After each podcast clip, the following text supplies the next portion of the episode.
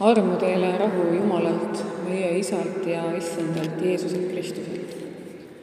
jutluse aluseks paneme tähele Mattuse evangeeliumi kuueteistkümnendast peatükist esimesed neli salmi.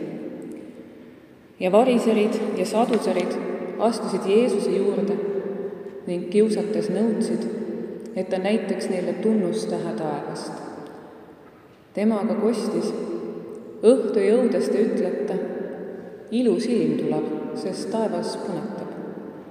ja varahommikul te ütlete, täna tuleb raju ilm, sest taevas punetab ja on sampus. taeva palge üle otsustada te oskate, aegade tunnustähtede üle aga ei suuda. see kuri ja abielurikkuja sugupõlv nõuab tunnustähte, aga talle ei anta muud kui prohvet Joona tunnustähed. ja ta jättis need sinna ja läks ära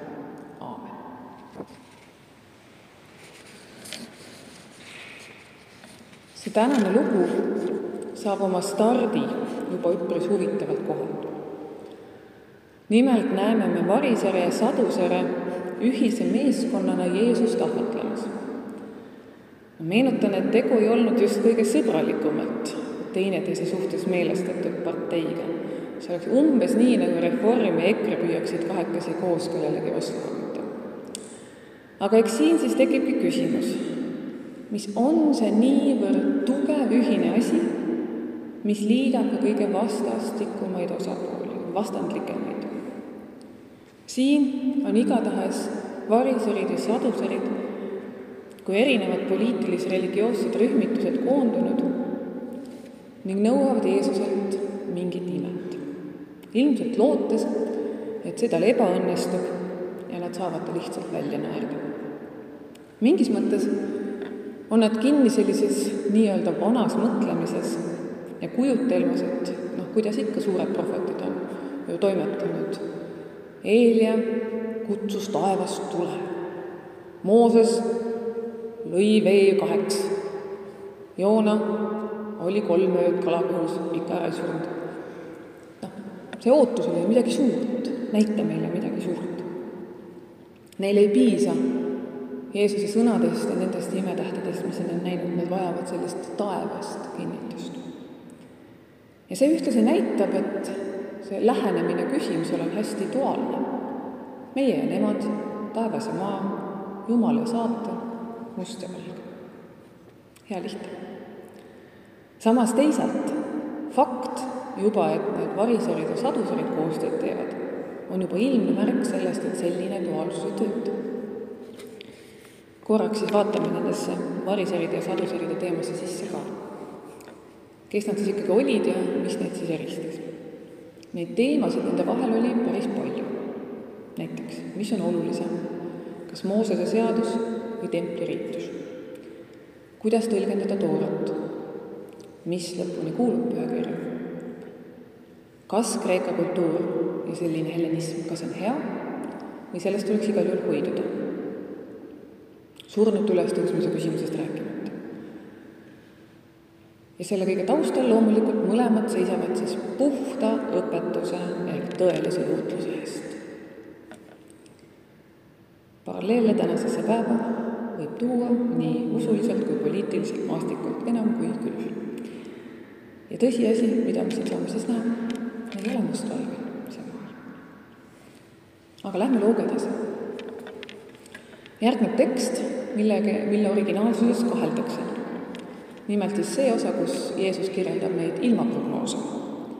näiteks kui vaadata paralleelteksti Markuselt, siis Markus sellest ei räägi. muide, Markusel on ka saduselid pildid kadunud, seal ainult variselid. nii et noh, võib kahelda mõlemas.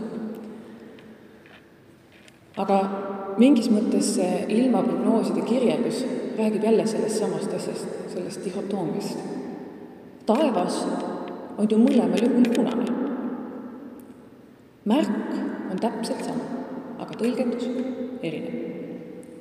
ja see tõlgendus ja, ja prognoos sellest tõlgendusest lähtuvad ju tegelikult inimeste varasemastest teadmistest.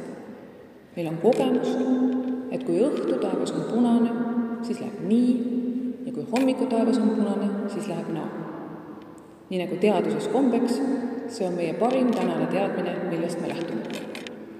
noh, ja ilmselt tegid täpselt sedasama ka variserid ja saduserid. ja küllap teevad või vähemalt võiksid teha sedasama ka kõik need tänapäevased väga erinevad rühmitused ja grupid. tänane tekst lõpeb üpris masendava hinnanguga. see kuri ja abielurikkuja suguvõli. osad kommentaatorid on arvanud, et siin on näha taaskord sellist Jeesuse väga tavapärast retoorikat, kui ta midagi tugevat üritas selgeks teha, siis tal olidki alati hästi nagu vastandlikud mõisted. vaesed, pimedad, jalutud, nemad on oma tunnustähed kätte saanud. Kreeka keeles kasutatud sõna kuri kui selline on selline sihikindlalt kuri, tahtlikult kuri. ja seda abielurikkujat võib tõlkida ka kui teiste jumalate kummardajat millelegi seaduserikkuja. No ja siis tunnustajad. jälle on Matteus ainuke, kes täpsustab, neile antakse joona tunnustajad, mis on ilmselt vihje Jeesuse surmale ja ülestõusmisele. see on see tunnustajad, mis neile antakse. see on ju hea, ei ole ju kehv tunnustajad, päris hea. Noh, miks me seda arvame, on ka see, et Matteus kirjutab ilm, ilmselt just nimelt juudi kristlastele või siis inimestele, kes tundsid seda juutide pärimust hästi, nii et Joona tunnustäht ütles neile ühte koma teist. et see seos on neile ilmselge. ja viimaks, kõike seda öelnud, läheb Jeesus lihtsalt minema, jättes neid saadud infoga üksi. niisugune no mis me siit siis veel järeldada võime, peale selle, et mustvalge väga oli? ma kohtasin hiljuti ühte toredat lugu. see lugu räägib Leonardo da Vincist kellel oli, noh, maalis oma seda püha õhtut söömaaega ja siis jube raske oli tal leida neid nägusid sinna pildile, eks ju. ja oli juba leidnud Jeesuse, kelles, kes siis oli temale selleks prototüübiks või siis selleks äh, modelliks nii-öelda. et tegu oli üks äh, kirikukoori äh, noor, noor laulja, kelle ta siis palus endale modelliks ja siis Jeesus sai maalitud.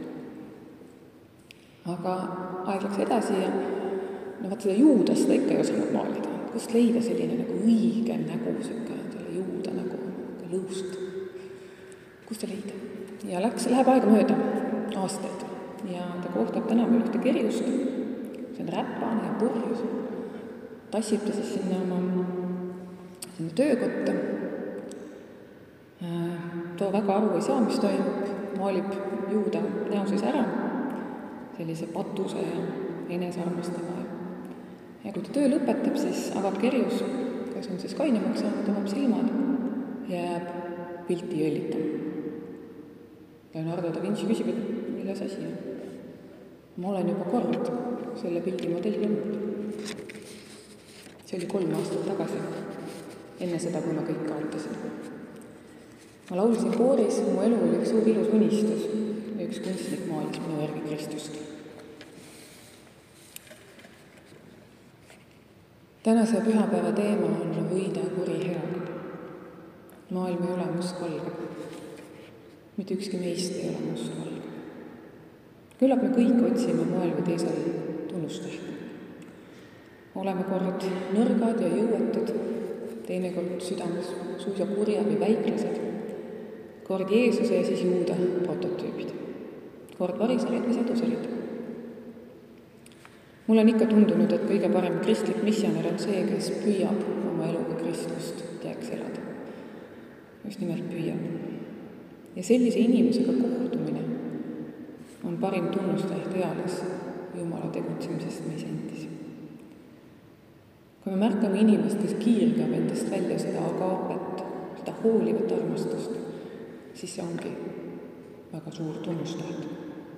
võida kuri heaga see ei ole mitte midagi lihtsat ega iseenesestmõistetavat. see on kohati suisa ääretult keeruline. aga minus on lootus, et see on võimalik. nii nagu inimene, kui ta on vihane, endast väljas, vajab sageli kõige enam seda, et keegi lihtsalt istuks ta kõrval ja oleks tema jaoks olemas. ei kardaks seda viha, ei kardaks seda valu vaid märkaks inimest. sest viha lahustab ära. valu, noh, vahel kaob. aga inimene jääb alles. olla teise inimese kõrval, kui tal on raske, mitte minna ära, sest ära minna tegelikult lihtsam. esmaspäeval tähistas Tartu Luterlik Peetri kool oma kümnendat äh, sünnipäeva ja meil oli selline minikonverents ja eriti tore, mõlemad lektorid istuvad kirikupingis. et siis, äh, sest ma sain inspireeritud natukene sellest, väga palju sain inspireeritud, aga, aga üks mõte ka tänasesse jutlusesse tuleb kaasa. ehk siis Meelis ja Olga olid meil lektoriteks ja Olga rääkis inimese usulisest arengust ja kohtasin sealt minu jaoks ühte uut uuringut, mille oli siis viinud läbi Prantsuse päritolu või katoliku preester äh, Pierre Babin kui ma nüüd õigesti aru sain, siis see oli peale teist maailmasõda, kui ta uuris, kuidas poisid ja tüdrukud näevad Jumalat erinevalt. ja et poiste Jumal oli selline õiglane kohtumõistja, seaduste andja, tingimusteta kuuletumist nõudev, võimas, majestaatlik. ja siis tüdrukute Jumal oli selline keegi, kes kaitseb ja hoiab ja aitab ja armastab, keegi, kellega sul saab olla isiklik suhe ja keegi, kes seostus selliste ilusate asjadega looduses nagu tähistaevas, kõik see ära, ilus, ilus maailm. Noh, muuhulgas sain aru, et ma olen ikka täitsa tüdruk, ja teada. aga minu mõte, mis oli sellel kohal, oli kohe küsimuses, et, et, et kuidas neid poisse ja tüdrukuid siis, eks ole, kasvatati selles ajas. ja ilmselt see erinevusi tulebki ikka ja ikka ja jälle ja, ja, ja me, me taastoodame seda eri, erisust, me taastoodame seda läbi selle, kuidas me oma lapsi kasvatame. ja mitte ainult lapsi, vaid ka see, kuidas me täiskasvanuid sotsialiseerime mingitesse erinevatesse sootsiumitesse. ja läbi selle kujunebki meil väga-väga erinev maailma ja Jumala pilt. lihtsalt läbi selle mulli, kus me liigume.